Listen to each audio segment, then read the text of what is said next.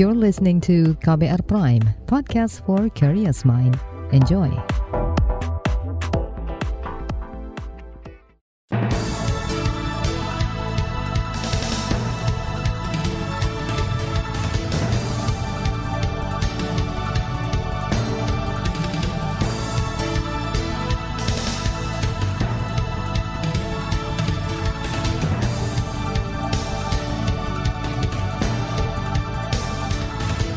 Selamat pagi saudara, senang sekali kami bisa menjumpai Anda melalui program Buletin Pagi, edisi Rabu, 7 Desember 2022. Saya Naomi Liandra, sejumlah informasi pilihan telah kami siapkan di antaranya. Penolakan terhadap pengesahan Undang-Undang KUHP terus berlanjut. Jokowi ingatkan antisipasi bencana dan cuaca ekstrim. Delapan korban hilang gempa Cianjur masih belum ditemukan. Inilah Buletin Pagi selengkapnya terbaru di Buletin Pagi. Saudara, DPR resmi mengesahkan rancangan Kitab Undang-Undang Hukum Pidana RKUHP menjadi undang-undang dalam rapat paripurna kemarin.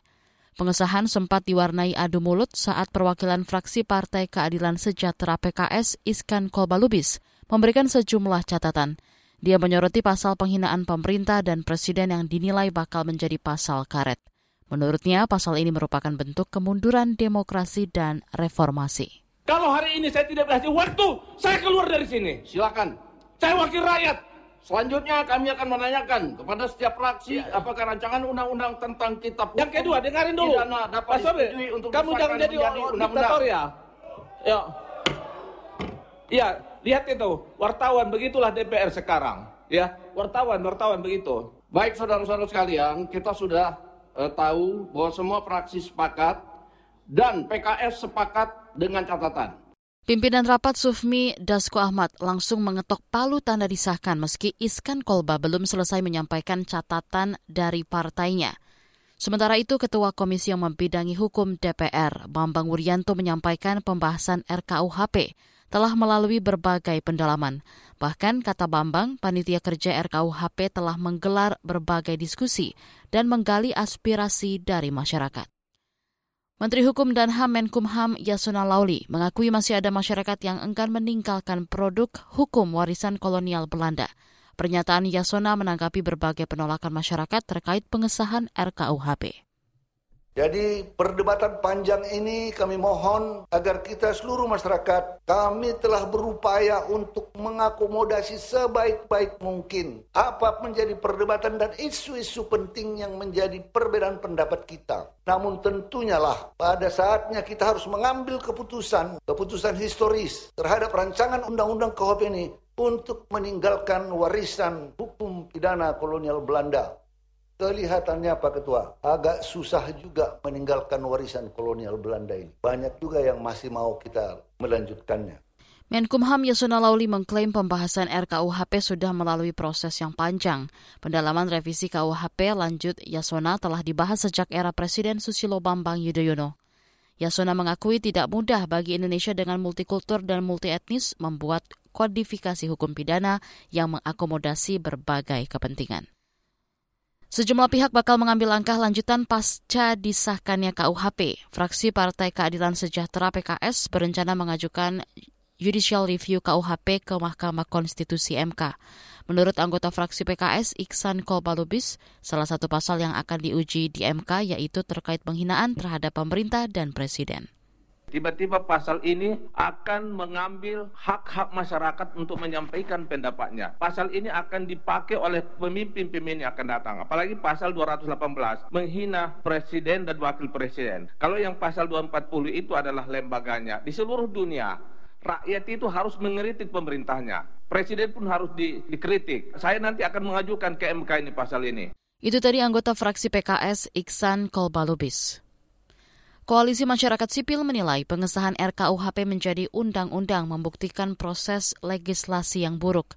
Salah seorang anggota koalisi, Rozi Brilian dari LSM Kontras, mengaku tengah berunding untuk menentukan langkah selanjutnya yang bakal diambil terkait penolakan atas pengesahan Undang-Undang KUHP.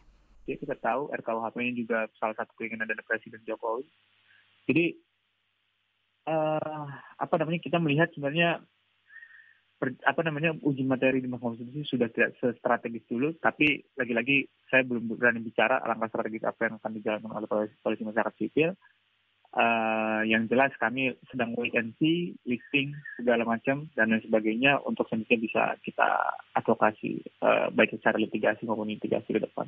Anggota Koalisi Masyarakat Sipil Rozi Berlian menyebut ada tiga jalur yang bisa ditempuh untuk mengganti undang-undang yang sudah disahkan yakni melalui legislatif lewat pembatalan melalui peraturan pemerintah pengganti undang-undang Perpu yang dikeluarkan Presiden dan gugatan uji materi ke Mahkamah Konstitusi MK. Namun koalisi mengisyaratkan kekhawatiran kecilnya peluang untuk jalur-jalur tersebut. Terlebih saat ini independensi MK dipertanyakan dan Presiden Jokowi sendiri menghendaki disahkannya Undang-Undang KUHP ini. Sementara itu Federasi Serikat Buruh Persatuan Indonesia FSBPI menyebut tengah melakukan konsolidasi dengan gerakan aksi dari kelompok lain guna merespons pengesahan KUHP. Berikut Ketua Umum FSBPI Dian Septi Trisnanti sampai kemudian memang kita bulatkan tekad gitu untuk apakah menggugat atau kemudian tidak mengambil jalur hukum tetapi aksi massa terus menerus gitu ya. Itu kan butuh energi yang besar gitu bukan hanya aksi massa di lapangan tapi juga misalnya kampanye-kampanye di ranah media sosial. Hmm. karena nggak cukup sekarang uh, zaman sekarang kalau aksi massa dengan mobilisasi massa yang besar. Hmm. mobilisasi massa yang besar itu juga nggak cukup kan? Dia butuh aksi yang lebih berani lagi yang lebih kreatif lagi. Nah itu yang kemudian bentuk-bentuknya yang harus selalu kita cari. Ketua Umum FSBPI Dian Septi Trisnanti menilai pengesahan KUHP sebagai perintangan demokrasi, sebab di dalamnya masih memuat pasal mengenai unjuk rasa yang harus mengantongi surat izin. Aturan itu memperkuat peluang terjadinya kriminalisasi, terutama untuk gerakan rakyat seperti buruh, mahasiswa, dan gerakan-gerakan pro-demokrasi. Senada dengan Federasi Buruh, Badan Eksekutif Mahasiswa Universitas Indonesia BEM UI akan menggelar konsolidasi untuk menolak pengesahan KUHP. Ketua BEM UI, Bayu Satria Utomo. Dan juga kami akan berkonsolidasi untuk merapatkan barisan, untuk merapatkan eh, simbol-simbol uh, perlawanan, dan kami tentu akan melakukan gelombang penolakan. Ketua BEM UI Bayu Satria Utomo menjelaskan pasal bermasalah yang ditentang oleh BEM SID antara lain soal penghinaan terhadap lembaga negara, penyerangan harkat dan martabat presiden, serta soal unjuk rasa. BEM UI menilai pasal-pasal itu bakal memberangus kebebasan berpendapat dan berekspresi masyarakat yang ingin mengkritik kebijakan pemerintah. Saudara, pemerintah mengklaim berhasil turunkan angka stunting tiga tahun terakhir. Informasi selengkapnya sesaat lagi. Tetaplah di Buletin Pagi KBR. You're listening to KBR Pride, podcast for curious mind. Enjoy!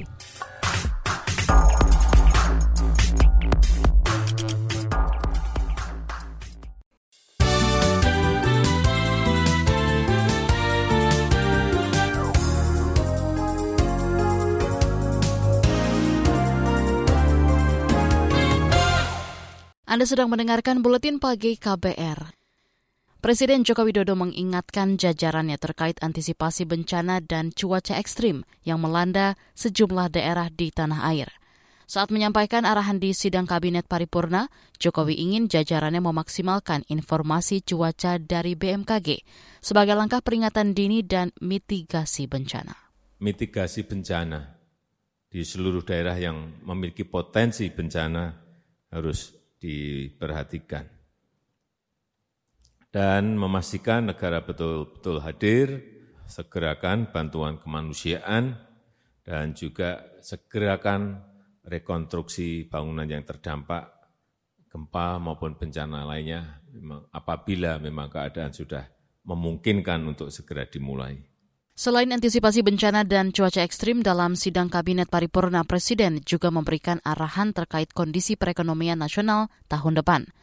Kepala negara mengingatkan jajarannya tetap berhati-hati dan waspada mengambil kebijakan yang dapat berpotensi mengakibatkan krisis keuangan, penurunan ekspor hingga krisis pangan.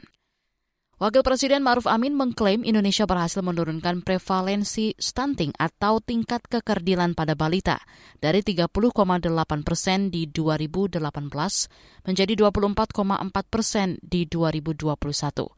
Meski begitu, Wapres Maruf menyebut masih perlu penanganan dan koordinasi menanggulangi stunting guna mencapai target prevalensi stunting 14 persen di 2024. Masih terjadi beberapa persoalan di lapangan, khususnya hasil pendampingan terpadu di 12 provinsi prioritas yang sudah dilakukan bersama oleh kementerian dan lembaga. Pertama terkait tata kelola. Pelaksanaan intervensi spesifik dan intervensi sensitif, masalah besar dalam tata kelola adalah koordinasi. Saya minta koordinasi antar lembaga di semua tingkatan pemerintahan ini dapat dibenahi. Wapres Maruf Amin meminta seluruh kepala daerah memimpin koordinasi pelaksanaan program penanganan stunting. Kita ke informasi ekonomi. Bank Indonesia optimistis Indonesia akan mengalami pertumbuhan ekonomi tahun depan.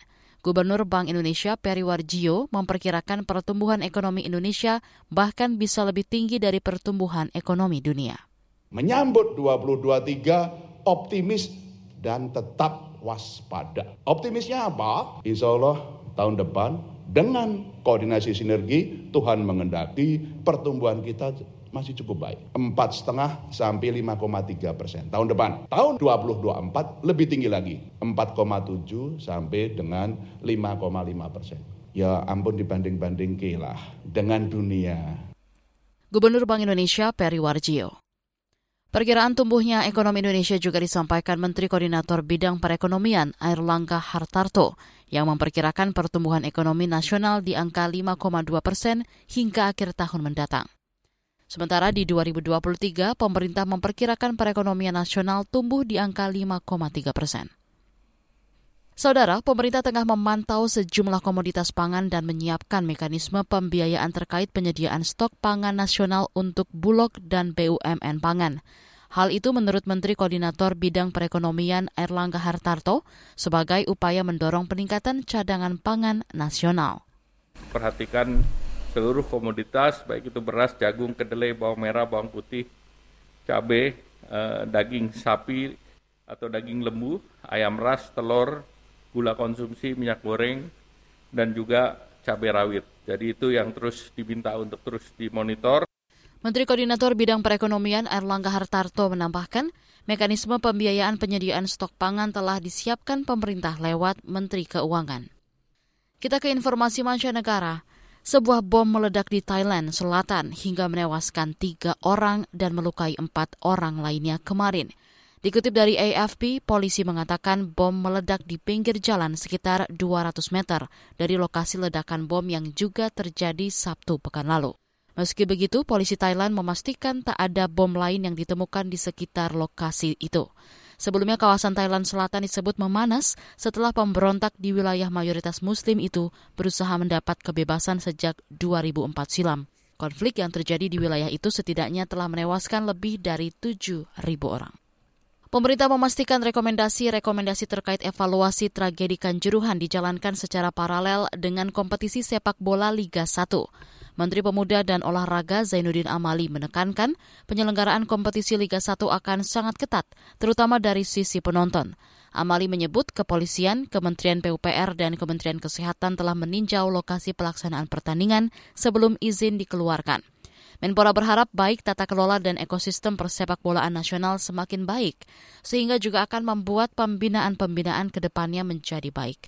Menpora menyebutkan alasan lainnya Liga 1 dilanjutkan, yakni tim nasional sepak bola Indonesia juga memerlukan kompetisi untuk menjaga kemampuan. Apalagi sebentar lagi Indonesia akan menjadi mengikuti Piala AFF dan Piala Dunia U20. Ajang Piala Dunia 2022 telah menuntaskan seluruh pertandingan 16 besar. Maroko dan Portugal menjadi dua tim terakhir yang menyegel tiket ke perempat final. Duel Maroko menghadapi Spanyol berlangsung di Education City Stadium Selasa 6 Desember 2022 malam waktu Indonesia Barat. Kedua tim gagal mencetak gol sepanjang 2 kali 45 menit hingga pemenang pun ditentukan dengan adu penalti. Maroko berhasil menumbangkan Spanyol 3-0 dan melaju ke perempat final Piala Dunia untuk pertama kali sepanjang sejarah. Laga terakhir 16 besar Piala Dunia mempertemukan Portugal versus Swiss di Lusail Stadium Rabu 7 Desember dini hari waktu Indonesia Barat. Gonzalo Ramos menjadi bintang Portugal melawan Swiss. Penyerang 21 tahun itu mencetak hat-trick dan membawa Selecao dan Quinas menang 6-1 atas Lanati. Di bagian berikutnya kami hadirkan laporan khas KBR tentang antisipasi bencana alam di akhir tahun. Tetaplah di Buletin Pagi KBR. You're listening to KBR Pride, podcast for curious mind. Enjoy!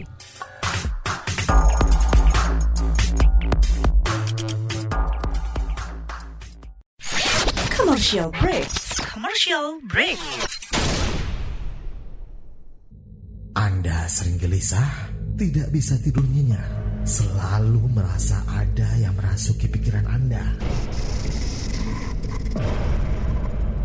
Bukan iklan horor atau cerita seram, tapi kalau Anda mengalami hal seperti itu, Anda pasti ketinggalan berita terupdate yang lagi ramai diperbincangkan. Gak mau kan dibilang ketinggalan berita?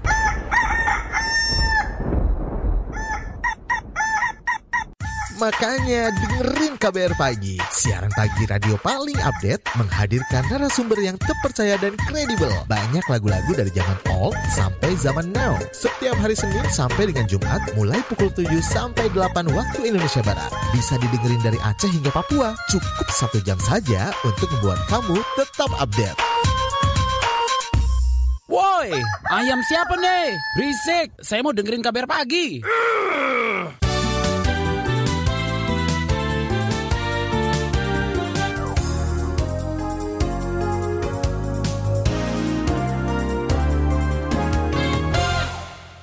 Anda masih bersama kami di Buletin Pagi KBR. Saudara, memasuki penghujung tahun, sejumlah bencana alam silih berganti terjadi di beberapa wilayah di Indonesia.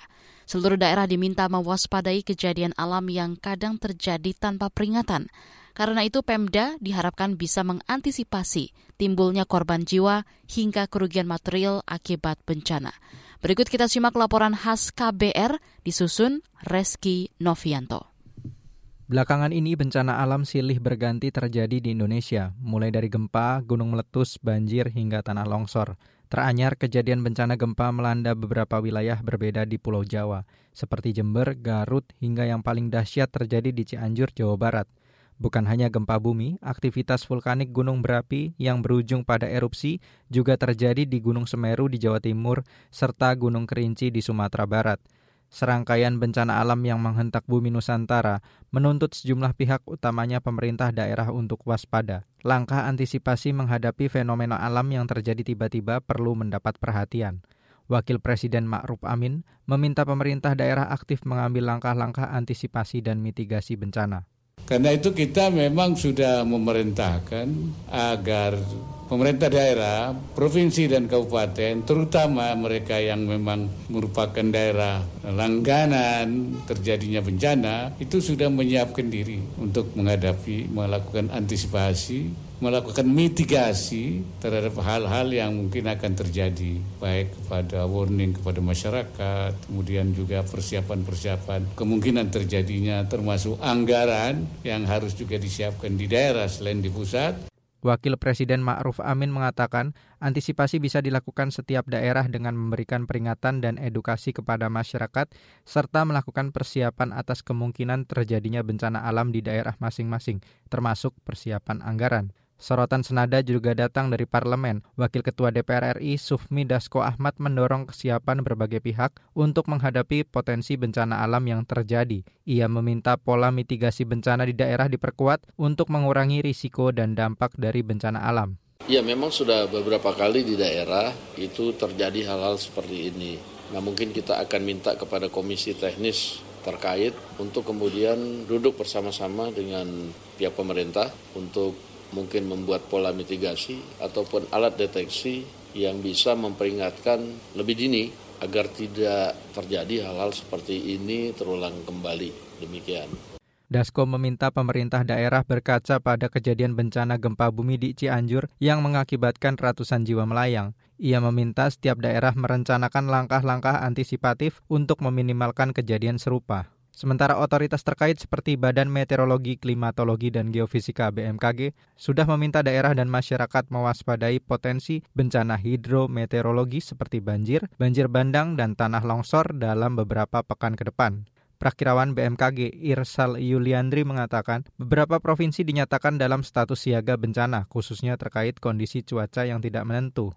Kemudian untuk tanggal 5 Desember 2022 berpotensi terjadi di wilayah Aceh, DKI Jakarta, Jawa Barat, Jawa Tengah, dan Jawa Timur. Kemudian yang terakhir untuk tanggal 6 Desember 2022 berpotensi terjadi di wilayah DKI Jakarta, Jawa Barat, dan Jawa Tengah. Di daerah, Gubernur Jawa Tengah Ganjar Pranowo mengajak seluruh elemen masyarakat lebih peka terhadap sistem peringatan dini bencana alam yang telah disampaikan oleh pemerintah. Maka early warning sistemnya, baik yang sifatnya peralatan modern maupun yang sifatnya kearifan lokal, mesti sekarang didorong terus-menerus. Sehingga nanti begitu itu bisa kita cegah, insya Allah tidak ada korban. Kadang-kadang bencananya tidak bisa kita hindarkan, tapi selamatkan dulu korbannya. Yang kedua, setelah terjadi, maka respon cepat yang perlu didorong. Gubernur Jawa Tengah Ganjar Pranowo menekankan pentingnya kolaborasi aktif antar lembaga dan pemerintah daerah. Menurutnya, daerah memerlukan dukungan dari pusat agar lebih siap menangani kejadian bencana yang tidak bisa ditebak. Sementara itu, Ketua Umum Masyarakat Penanggulangan Bencana Indonesia MPBI Avianto Amri menyebut masih ada masalah pada sistem peringatan dini bencana di Indonesia. Di satu sisi memang kita sudah ada kemampuan dari institusi terkait untuk mendeteksi atau memprediksi akan terjadinya misalnya peningkatan hujan atau ancaman bencana lainnya. Tapi masalahnya itu belum sampai ke masyarakat sehingga mereka juga bisa melakukan tindakan preventif atau kesiapsiagaan. Avianto mengatakan harus ada pendobrakan stigma menakutkan atau negatif mengenai ancaman besar bencana di Indonesia, terutama bagi masyarakat di daerah rawan bencana. Eh, kita harus mulai dari mendobrak stigma itu bahwa kita sebenarnya bisa selamat dari ancaman bencana kalau misalnya kita tahu apa yang harus dilakukan, kalau boleh kita mengenali resikonya dan bisa mengurangi bahayanya. Demikian laporan khas KBR, saya Reski Novianto. Informasi dari berbagai daerah akan hadir usai jeda. Tetaplah bersama Buletin Pagi KBR. You're listening to KBR Pride, podcast for curious mind. Enjoy!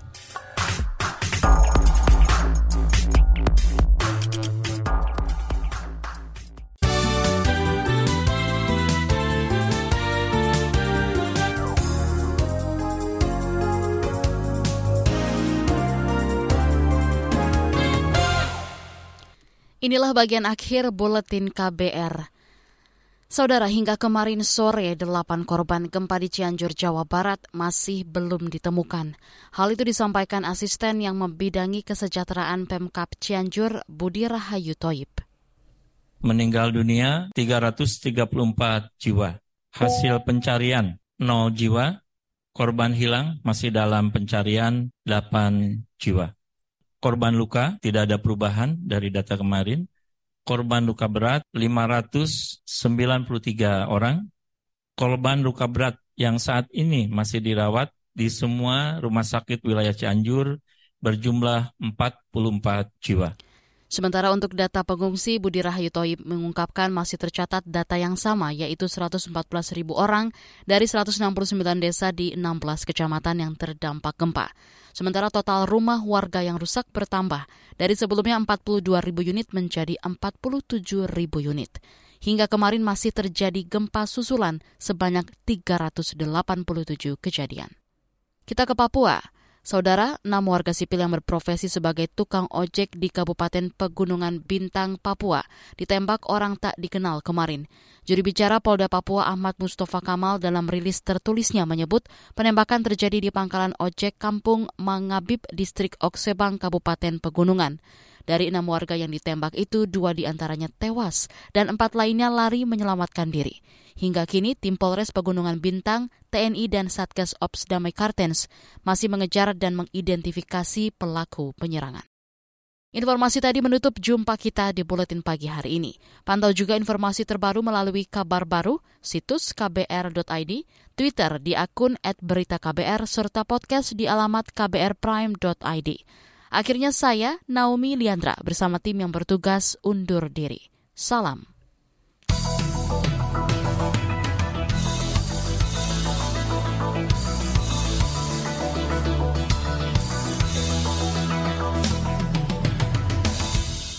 KBR Prime, cara asik mendengar berita. KBR Prime, podcast for curious mind.